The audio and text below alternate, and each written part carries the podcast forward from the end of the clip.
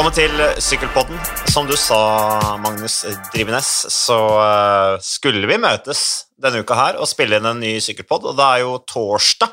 Så det er jo liksom på slutten av uka. I morgen så starter uh, Spania rundt, og vi har uh, vært igjennom en begivenhetsrik Nok en begivenhetsrik periode med mye sykling på norsk jord, til og med. Dansk, svensk og norsk for din del.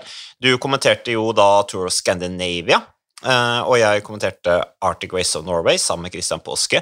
Det var uh, to flotte sykkelløp, syns jeg. Hvordan, uh, hva sitter du igjen med? Hva er inntrykket etter Tour of Scandinavia? Det var veldig mye Marianne Vaas, ja. rett og slett. Hun herjet jo der, tok fire etappeseiere.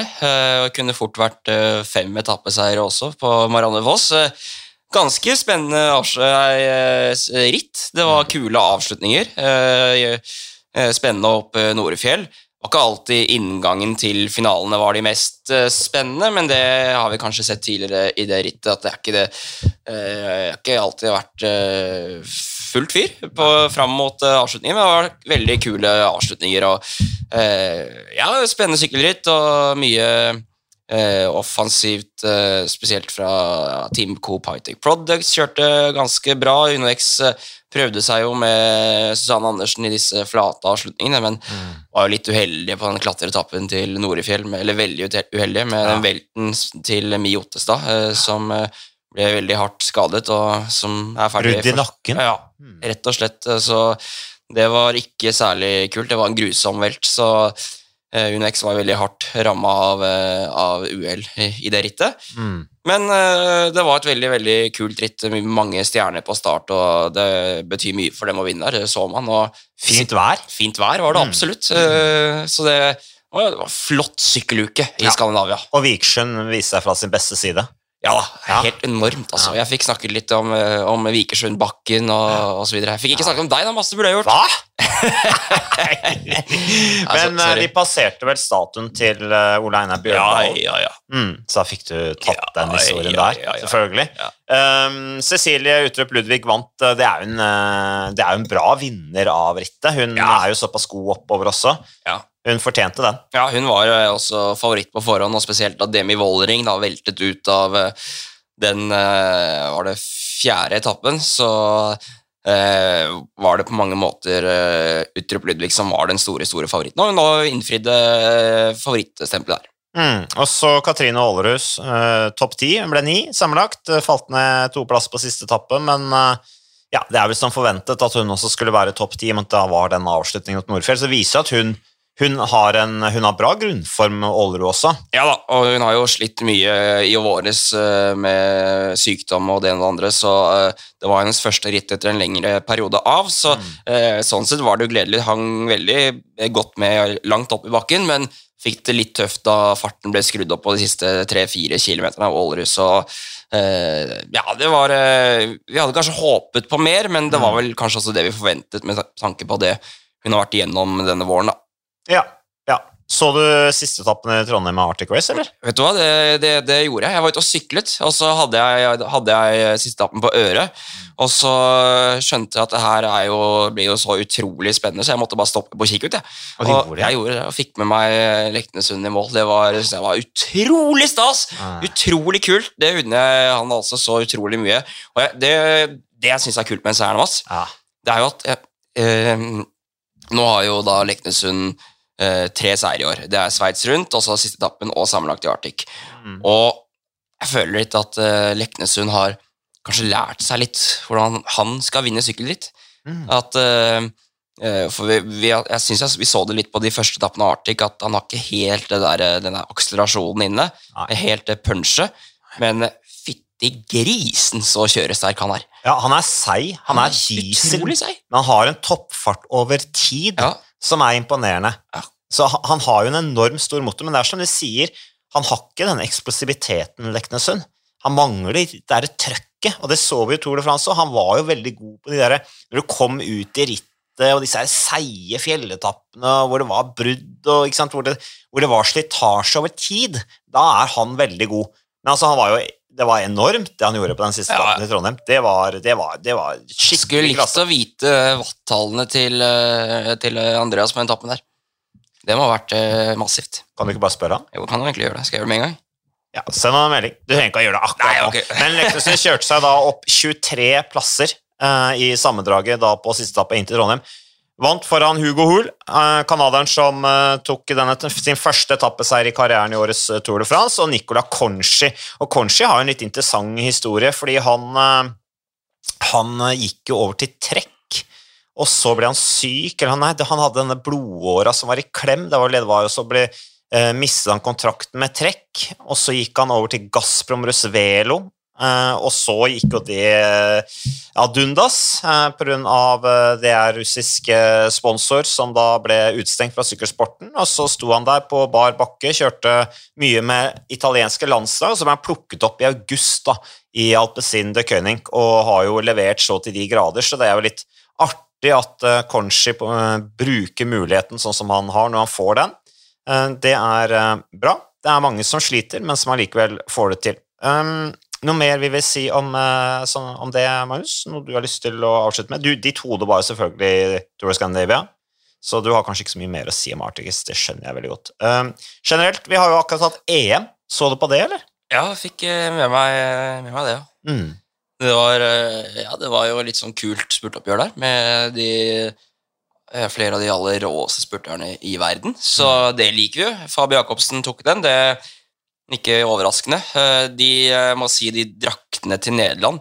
Mm. Sånn skal ikke Nederland sine drakter se ut. Det var isolert sett ganske fine drakter, Ja. men Nederland skal ikke ha sånn derre Nei, Blass, blir liksom blass, ja, det det blir veldig blast. Så Litt blast oransje, var det ikke sånn. det? Skal ikke være, ja, skal Ja. ikke være sånn. Litt sånn gjennomsiktig, eller er det blitt sånn litt inspirert av de norske triatlongutta? Hvordan var Ja, det? det kan godt være. Jeg så ikke så nøye på om det var gjennomsiktig eller ikke. Nei, det var ikke det Nei, du liksom zooma inn på. Nei, men uh, Kristoff eh, var jo med i, spurten der, kom ikke helt fram og sleit litt med posisjoneringen inn på siste kilometeren, men eh, Kristoff har jo vært i veldig god form, da. Mm. Eh, kjørt inn masse topplasseringer nå i Belgia. og eh, Det er jo på en måte Kristoff som vi liker å se Kristoff. Kristoff Mm. Kristoff er, er jo den kuleste versjonen av Kristoff. Mm. Når han driver og angriper og grinder oppover disse bakkene. Det liker jeg å se. Mm. Så det, det har vært, vært kult å følge Kristoff nå i ettertid av, av Tour de France. Ja, Vi har sett de sånne gode, gamle Kristoff på sitt beste. Helt enig i det uh, i år. Det absolutt altså den offensiviteten, og det kan jo kanskje være det at han forstår at han har ikke den hurtigheten så inne som han kanskje hadde før, så når man kjører på litt andre ting, og så oppdager han plutselig oi, jeg har ganske stor motor. Rytteren sliter når jeg går til, liksom. Så, så kanskje han skal spille litt med på det, men det er i hvert fall eh, bra. Eh, Hva var det Kristoff ble til slutt? Åtte? Var det? Ja, noe sånt da. Ja. Så det var Han sparer ikke på det. passe vellykka for det norske laget. Uh, Fabio Jacobsen som uh, vant, velfortjent det, foran Tim eh, Mer Merlier, eller Merlier, som ikke var fornøyd med det sølvet, uttrykket hans, og han reiser til Spania rundt, så vi får se om han får noen muligheter der. Det er ikke mange muligheter eh, der, vi kommer tilbake til det. Og så kan vi jo også, vi må jo si at vi må jo eh, selvfølgelig ikke glemme Anita von Stenberg, som tok da gull i scratch. Vi gratulerer Anita von Stenberg med det. Hun er i ferd med å bli en eh, etablert mesterskapsrytter på, på høyt nivå. Veldig moro for uh, Drammensjenta, eh, som startet med ridning, og så gikk over på sykling etter hvert. Men uh, Magnus, uh, nå er det jo Spania rundt fra i morgen, og vi skal jo ha litt sånn storlek der. altså Vi skal fordele kommenteringsoppgavene litt. grann. Eh, Det blir Christian, eh, deg og meg som skal ta den eh, sammen og dele på det. Men Utrecht altså Det er tre etapper i Nederland i år. Den ble jo utsatt. Den skulle jo egentlig vært i, i fjor, og så ble den da utsatt til i år pga. pandemien.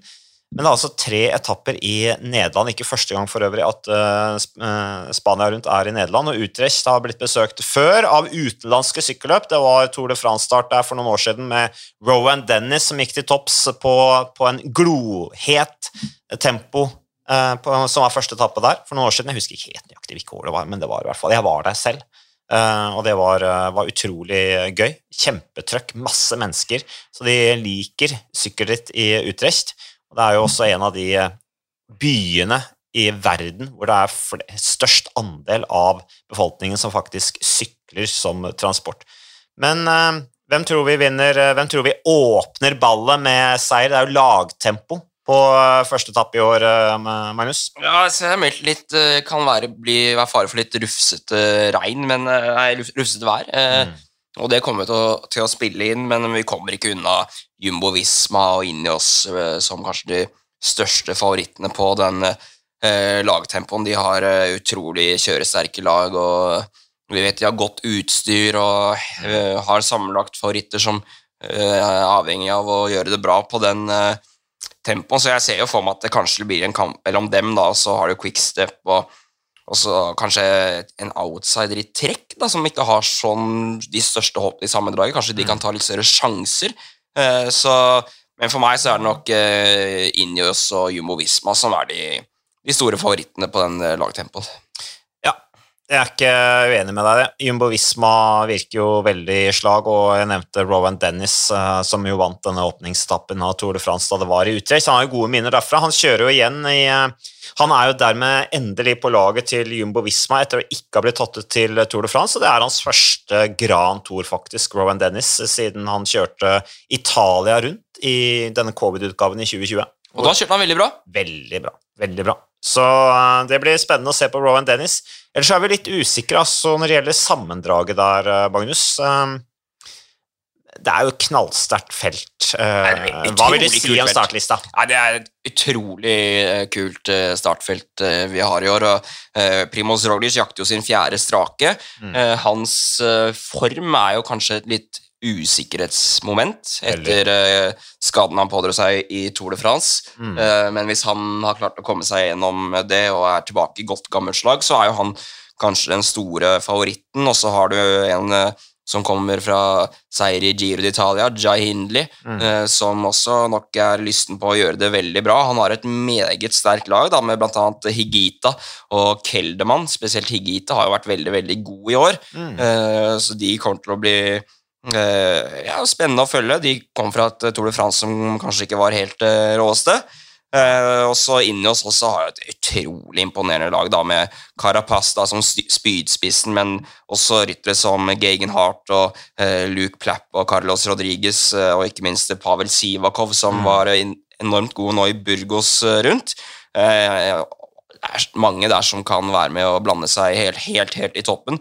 Eh, og så har du jo en eh, rytter som eh, Remco Evenepool da, i, i eh, Quickstep Alfa Vinyl, eh, som eh, Ja, vi vet jo hvor god Remco Evenepool er, men vi vet ikke hvor god han er over tre uker. Og det kommer en tempoetappe på 31 km paddeflat Mm. som passer ham meget, meget bra. Og det derre Quickstep-laget, det er jo et lag som ja, de har ingen spurtere med. Eh, det er jo litt utypisk Quickstep. Smart det, når det bare er fire etapper. Ja, ikke sant? Ikke sant? Så eh, de har jo egentlig et veldig godt lag da, Mm. rundt eh, Remco Evenepool hvis han eh, er i ordentlig, ordentlig god form, og vi har sett det i, i eh, Classica San Sebastian, at han takler og kan jo takle disse bratte stigningene godt, og Ja. Vuelta Spania har jo vært synonymt med disse bratte eh, avslutningene, eh, men de er det ikke så mange av i år. Nei. Eh, Det er, så vidt jeg vet, bare én etappe hvor det er sånn ordentlig sånn vegg eh, på slutten, og det kan jo tale litt til Remco Evenes Re, øh, Remco Evenepool Ja, ja. Sin, eh, sin fordel, og de har jo også Ala Filip med, vet du. Verdensmesteren som eh, har hatt en litt uh, trøblete sesong, for å si det mildt, og en liten outsider i, i det laget. Hvis Remco Evenepool eh, skulle få en mørk dag eller velte, eller Mm. det vet du jo, det kan fort skje. Alt kan skje. Så er jo Ilan Van, Van Wilder en rytter jeg har veldig, veldig uh, troa på. Så nei, det er, eh, det er mange som kan være med å kjempe i toppen her, men det er nok kanskje de jeg gleder meg mest til å se. Og så UAE da, med Almeida Mm. som kanskje kaptein der. Og så Ayuso, som vi vet er et stort, stort uh, talent da, i uh, dette UAE-laget. Mm. Uh, apropos lagtempo, det var forrige gang det var lagtempo i åpningen av Spania rundt, det var i 2019. Da var det faktisk Astana som vant lagtempo. Tenk på det. Og de kjører da med Var det det året hvor det var den derre vannpytten i den svingen som gjorde at det var flere som velta? Det husker jeg ikke Jeg tror det var det, altså. Mm, Ja. det kan være det. Men uh, jeg syns alle lagene har på en måte det er noe spennende med stort sett alle lagene i, i årets uh, Spania rundt. Um, I motsetning til i Frankrike rundt, da, uten at jeg skal Dette er ikke noen Astana-podkast, men uh, vi kan jo lage en liten hyllest til Vincenzo Nibali, som da er én av seks rytter som stiller til start, som har faktisk vunnet Spania rundt uh, sammenlagt, og det er ganske mange som stiller til start, som da er tidligere Spania rundt-vinnere. Du har jo Chris Froome, du har Simon Yates, du har Roglic, som du har nevnt. Du har Hvem andre? Valverde. Valverde, ikke minst, som vant i 2009. Og så har du også da den Nibali og Roglic. Nibali og Roglic, ja. Så de har til sammen ni seire, disse seks rytterne. Men en del av de er jo på vei ut. Valverde og Nibali skal jo legge opp etter denne sesongen, så det er deres siste Grand Tour. Valverde stiller jo da med press på seg, da.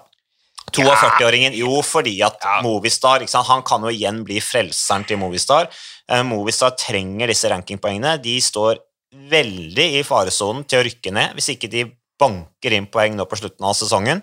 Jeg ser de gjør det ganske bra i uh, dette her Tour de Limousin, der vant de en etappe nylig. De trenger, ja, de trenger de poengene sårt altså, for å være i, ø, i det gjeve selskapet i worldtouren. Men vi har vel mest tro på Henrik Mas i Movistar. Ja, vi har det. vi har det. Men det er jo han, som... Han liker, best, liker seg best i Welta, han. Ja, han ble, ble, han, ja, han ble to i fjor, Han ikke Var på pallen i fjor, i hvert fall. Ja. Så det er, det er absolutt mannen, det. Men ellers er det jo litt interessant å se at etter Tour de France så går jo da ledelsen i Movistar ut i media og sier at de tviler på hans evne som leder.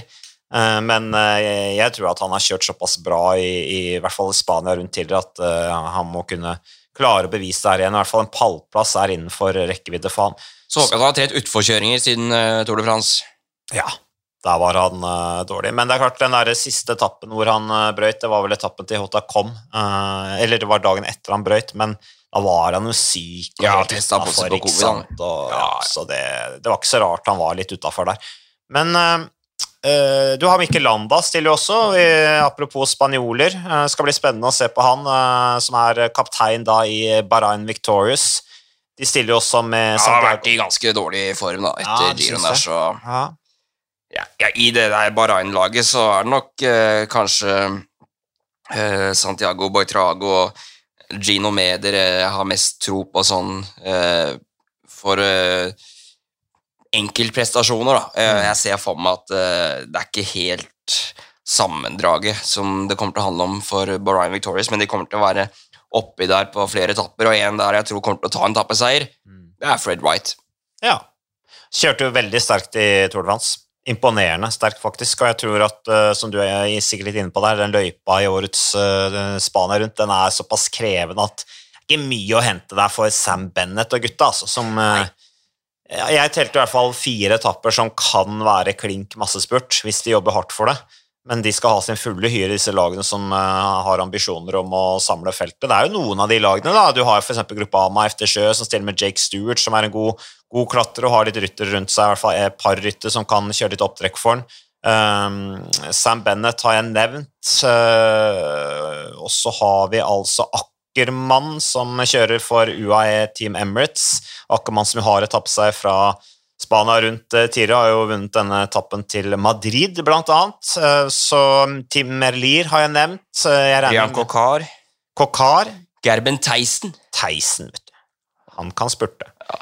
Det er ikke ja, Og så er jo problemet på mange av de her etappene som ser ganske flate ut på papiret, at de har liksom uh, de som har flate avslutninger, har ofte krevende ting underveis. De som er flate underveis, har litt krevende avslutninger. Mm. Så det er ikke helt uh, spurternes uh, uh, welt, dette her. Og Mats Pedersen har nok flere etapper han har sett seg ut uh, i, i Trexe Gafredo, blant annet. Og, ja, nei, vi får, vi får nå se. Det, det er bra å være god til å spurte, men det er enda bedre å, hvis du kan kombinere det med stor kjørestyrke. og og liksom på en måte mentalt innstille deg på at den beste måten å vinne på er å gå i brudd.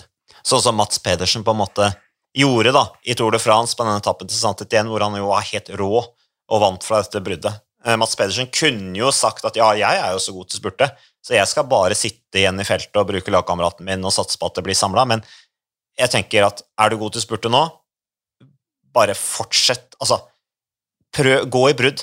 Jobb med å gå i brudd tren motoren din uh, og sats på det, for det, det, det ser ut til å bli bare færre og færre muligheter for, for, eh, for storspurterne. Så da må de eh, ta karriera i egne hender og, og, gjøre noe med det. Og da er veien å gå, det er å gå i brudd.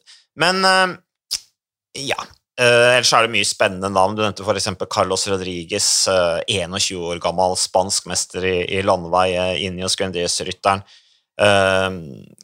Og de norske, ikke minst.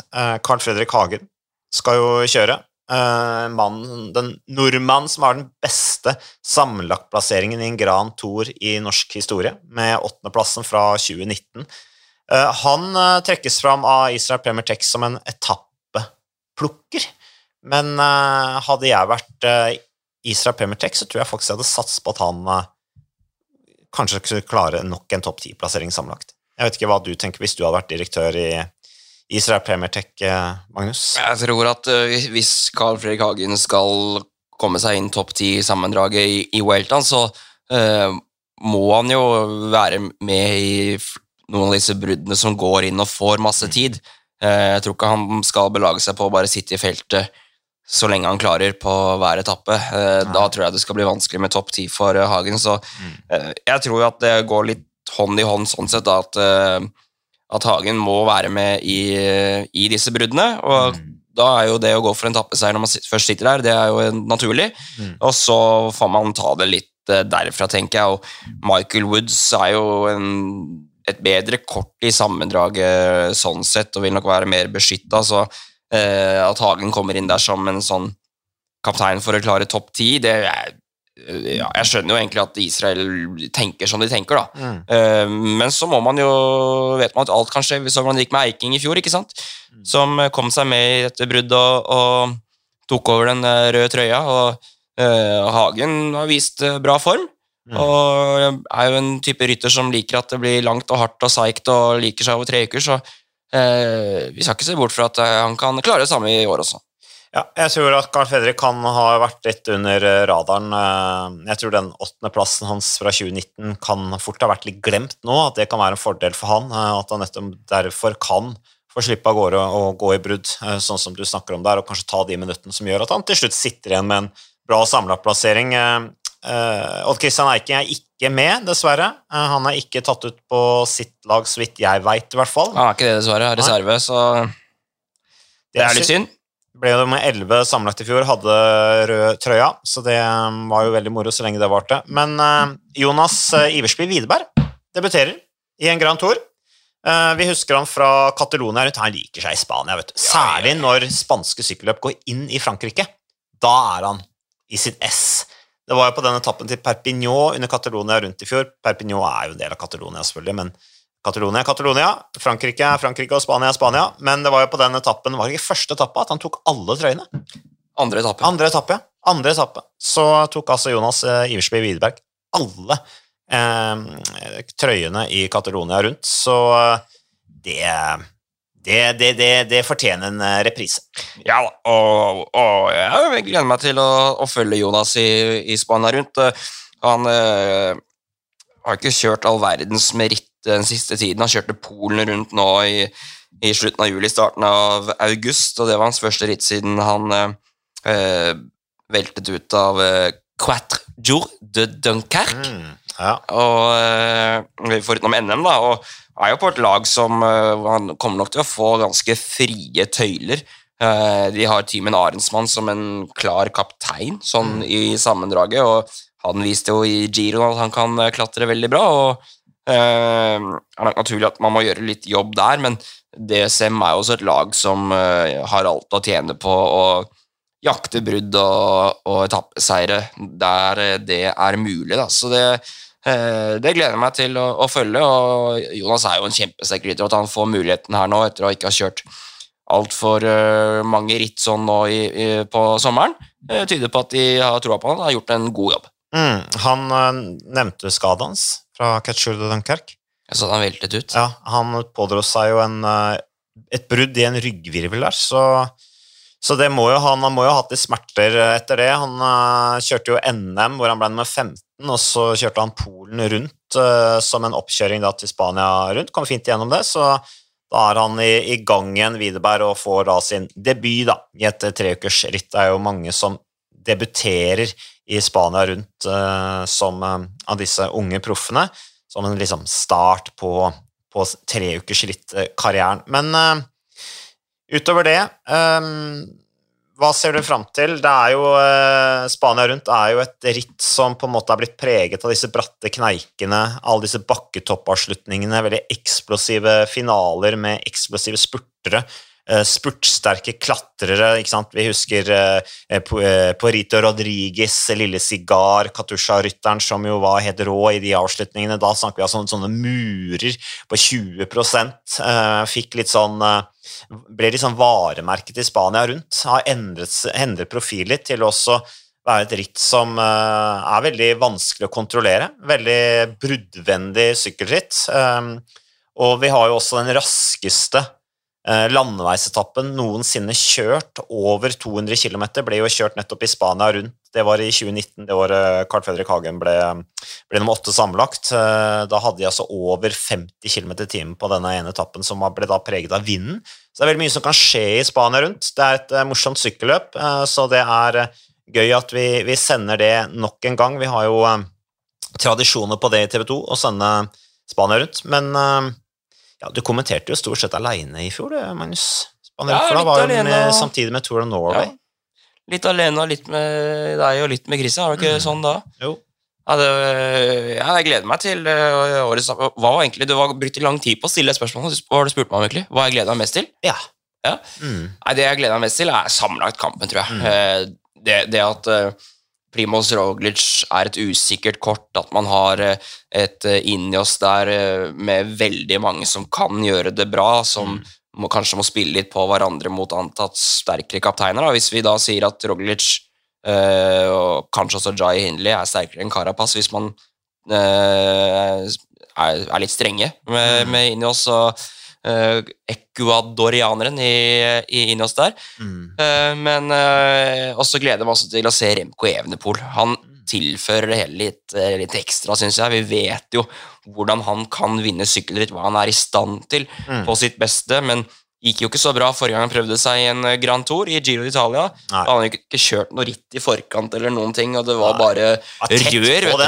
Nei, veldig tett på, veldig altså, rør. Uh, men han må jo være mye bedre forberedt nå. Mm. Uh, jeg, er utrolig spent bare på å se hvordan han ligger an, og hvordan han klarer seg over uh, så lang tid. Ja. Så jeg må si at sammenlagt sammenlagtkampen, da spesielt Roglic, Evenepool, Carapaz og Inios og, og Hindley, mm. som jeg ser, på, jeg, ser på som et ganske åpent Welta i Spania. da. I hvert fall sånn før de kommer i gang. Der uh, åpent uh, Simon Yates er jo også i bra form, har jo kjørt veldig bra, vunnet disse et, hvert fall Han har jo vunnet nå i, i Spania også, i forkant av, av Welton. Du har Jao Almeida, som er spennende. Jao Ayuso, som jo er veldig spennende. Denne spanjolen, unge spanjolen som jo har nylig forlenget avtalen med UA Team Emirates, altså til ut 2028 som altså er den lengste kontrakten som er i, eh, i, på World Tour-nivå. Og så har du Brandon McNulty, som jo var imponerende i Tour de France, måten han kjørte hjelperytter der, særlig på denne etappen til, eh, til Autocon var han helt, eh, helt rå. Så litt blir artig å se Jay Wine, ikke sant? Ja, ja. Swift-helten som jo kom til Alpezin de König på grunn av måten han, at han var så god på Swift.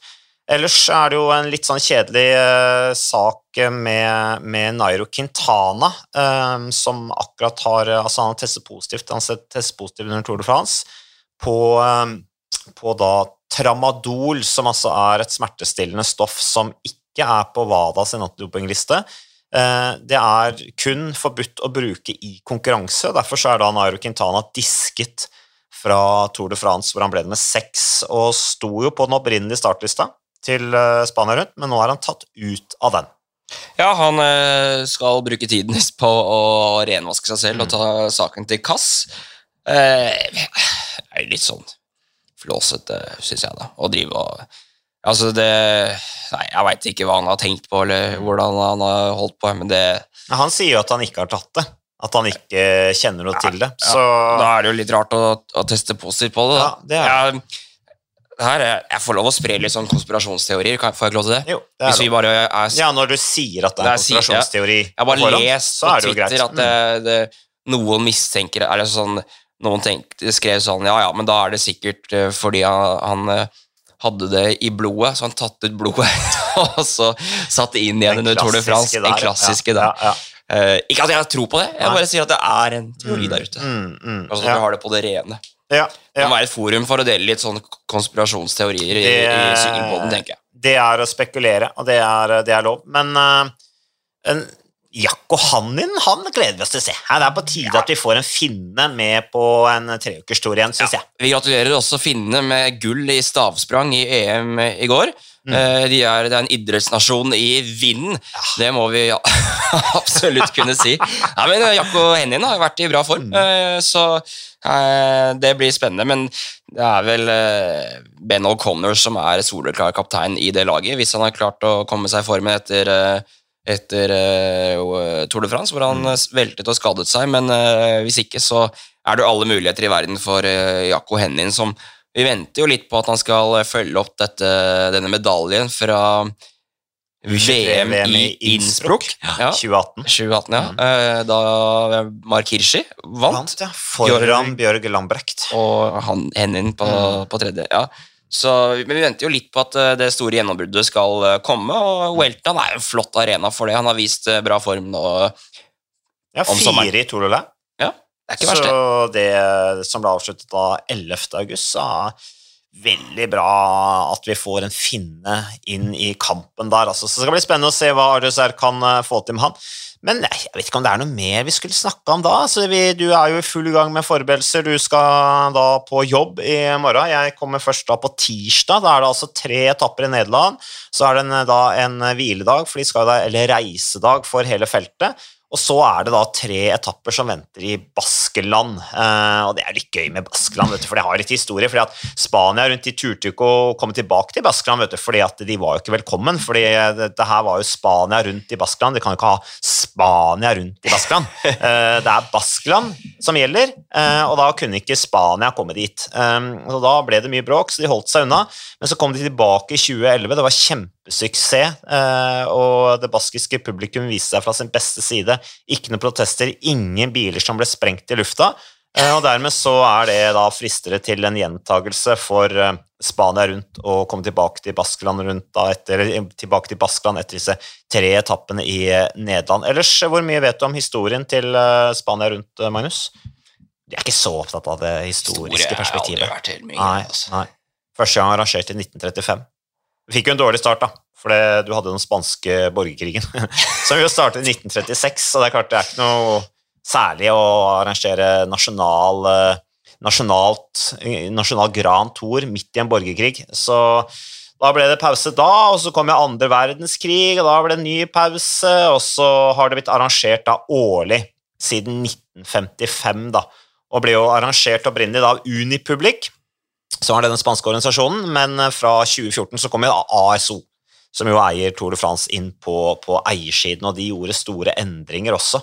Eh, Så eh, det var Gustav Delors, belgieren, som vant det første rittet. Og Gustav Delors, vet du, han var jo krigsfange han, under annen verdenskrig, men ble satt i kjøkkentjeneste fordi at denne tyske offiseren visste at han var god i idrett, og han likte idrettsfolk, så han ble satt i kjøkkentjeneste. Og så slapp han heldigvis unna. Men så flyttet han da til USA, begynte å jobbe i NASA og var med da å skyte opp Apollo 11. Så det, det er ikke bare Spania rundt han har vunnet, altså, han var på mye. var, var Apollo 11 var den som ble sprengt, eller? Nei, nei, nei, nei, nei, det var det ikke. Nei da, det var uh, Apollo 11 kom jo helt i månen. Så ellers er jo Roberto Heras den som har rekorden da, i antall uh, sammenlagtseiere i, uh, i Spania. Det vet jeg, Mats. Ja, på 2000-tallet. Siste var i 2005. Um, og um, han vant jo også poengkonkurranse i 2000 og vant denne kombinasjonskonkurransen uh, i, to ganger. Og vant i totalt ti etapper, Roberto Heras, som ble fratatt seieren i 2005 først. Fordi etter han testet positivt på EPO, men så i 2011 så anket han den diskvalifiseringen av en sivil rett i Castilla y León, og så vant han fram da i spansk høyesterett, eh, og det spanske eh, sykkelforbundet ga han da seieren fra 2005 tilbake. Men hvis Primoz Roglic han har jo nå tre seire på rad, hvis han da vinner igjen nå for fjerde gang, så tangerer han da denne rekorden til Roberto Heras, og han blir da også den første siden Miguel Indurain, som vinner da fire seire i en Grand Tour på rad. Ja. Det er jo noe å kjempe for for Primoz Roglerstad. Vi får jo håpe at sloveneren har eh, kommet seg etter denne skaden han pådro seg i Tour de France, eh, som eh, var ganske tøft, tror jeg. Delo Rodriguez er den som har flest etappeseire. etappeseiere. Vet du hvor mange etappeseiere Delo Rodriguez har? Dagens sykkelquiz 39. Så det er stort. Ellers så hadde vi jo Det er Det er enormt. Freddy Martens, husker du han? Ja, han, han vant vel sammenlagt og hundrevis av etapper et år. Ja, 1977. Så var det jo 19 etapper langs banen rundt. Da vant han sammenlagt eh, med 2,51 foran uh, spanjolen Miguel Maria Lasa fra Teka-laget. Miguel Maria. Ja, Miguel Maria. Miguel. Miguel Maria. Han het Maria, altså. Ja, ja, ja. ja. Eh, men han bar jo ledertrøya fra første etappe. Godeste Freddy Martens. Og så eh, bar den da gjennom alle disse nesten 18 etappene, og han vant altså 13 av 19 etapper. Eh, og i tillegg så var han tre ganger på pallen. Så det er ganske imponerende statistikk på Freddy Martens. Men det var den gangen det var et litt sånn annet sykkelløp. Da gikk du av i, på våren, i april. Og den gang så kunne de jo ikke sende feltet inn i fjellene, vet du. Fordi at det var jo for stor fare for snø og kaldt og sånn. Så, men fra 1995 så flyttet jo, eh, flyttet de rittet da til høsten, og så har det da blitt et veldig bra oppkjøringsritt til VM. Og det blir jo spørsmålet, Magnus. Hvor mange av de rytterne som skal satse på VM, kommer til å fullføre årets bane rundt? Det, er jo, det vil jo tiden vise. Mm. Nei, det er jo, kommer jo litt an på hvor uh, slit man føler seg, og hva man har erfaring med tidligere, fra tidligere, og osv. Så, videre. så Mm. uh, det er nok uh, noen der som kommer til å hoppe av, ja. Mm. Som kommer til å, å heller eh, lade batteriene den siste uka, f.eks. Så ja, det er jo det store spørsmålet, det. Mm. Det er eh, 13 dager mellom eh, Madrid og landeveisritt i, eh, i Australia. VM. Og det er jo også litt tidsforskjell og Mm. Det er ikke gunstig, det. altså. Nei, det er ikke det. Så uh, Tor Huse brukte vel faktisk i Spania deler av Spania rundt som oppkjøring til eh, det VM-et han vant i Australia. Så uh, Suksessoppskrift, det. Det er suksessoppskrift, absolutt. Så det er bare å ringe til Tor Husodd hvis man uh, har uh, ønska å snakke med han om uh, den erfaringa der. um, nei, men bra. Nei, men jeg tenker vi takker for oss. Ja. Da har, uh, du har levert, du, Magnus, så da er det bare å dra hjem og så finpusse på forberedelsene. Og så er det bare for eh, våre lyttere å takke for at dere orka å høre på oss nok en gang. Eh, og så vil jeg også si at det er bare å skru på da TV 2. eh, dette her går vel på sportskanalen. TV2 Sport 2. TV2 Sport 2 er det det går på, ja. Ja, hele, hele, Hele sulamitten. hele sulamitten. Hele sulamitten går på TV2 Sport 2. Og så inni der så skal vi også sende litt sånn Uno X Weekend. Ja, ja, ja. Det blir stas. Gylne gutter, blant annet. Gylne gutter og Lillehammer Grand Prix. Det er stort. Mm. Det liker vi. Det er fantastiske sykkelritt, og det er eh, gøy at det får eh, oppmerksomhet hos oss, og at norske ryttere og klubbryttere og kontinentalryttere sånt får muligheten til å vise seg fram på TV. Det er ingenting som er bedre enn det. Nei, fortjener det. elsker jeg. Ja, de fortjener det. Eh, Var, var det ikke i fjor det var så forferdelig utgave av Gylne gutter? Ja, Den, den virkelig Ja, manndomsprøven? 10-11-12 ryttere eller noe som kom til mål. vet du. Mm. Det var så brutale forhold og underholdende for, eh, for TV-seerne, og litt mindre gøy, tror jeg, for eh, store deler av feltet, Mm. som fikk det veldig tungt. Men Har dansk vinner. ja, var ikke det han eh, som sykler i UNX nå? Eller sa han det kanskje ikke? Jo. William Blume Levi. Ja, det var det. Stemmer. Mm. Sykler på Kolokvik, ikke sant? Sykla på Kolokvik, Ja. Mm. Og så var det han uh, fra Ekeberg som ble nummer eh, to. Embret. Svestad. Ja. Klatreren. Og på tredjeplass, husker du det? Nei, det husker jeg ikke. Sørbø fra Ringerike. Ah. Mener jeg å huske. Ah, ja. Jeg kan jo også ta feil. Det var ti stykker som fullførte. Ja, det var elleve. Jeg husker det var veldig få, i hvert fall. Ja, ja, men vi kan jo komme tilbake til kanskje Jeg skal ikke love noen ting. Kanskje vi kan ha en egen spesialutgave. Gylne gutter spesialutgave.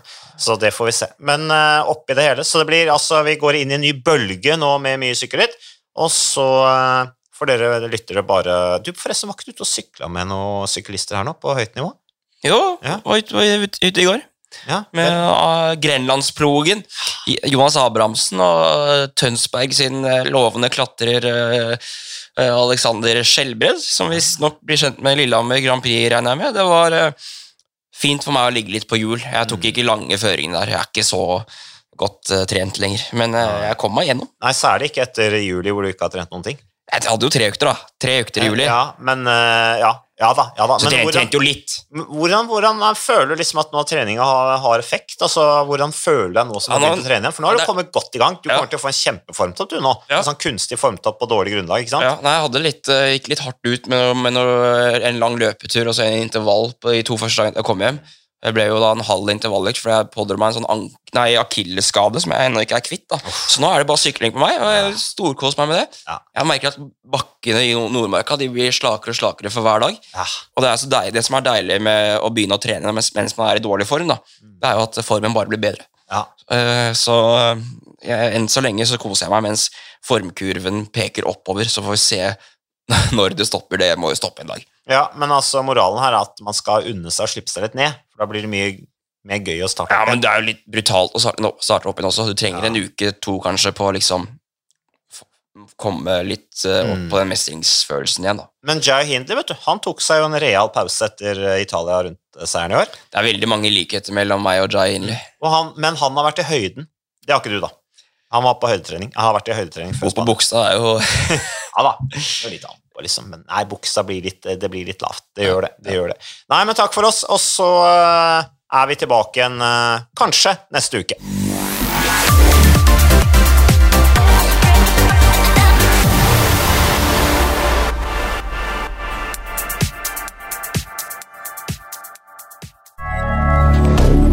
Moderne media.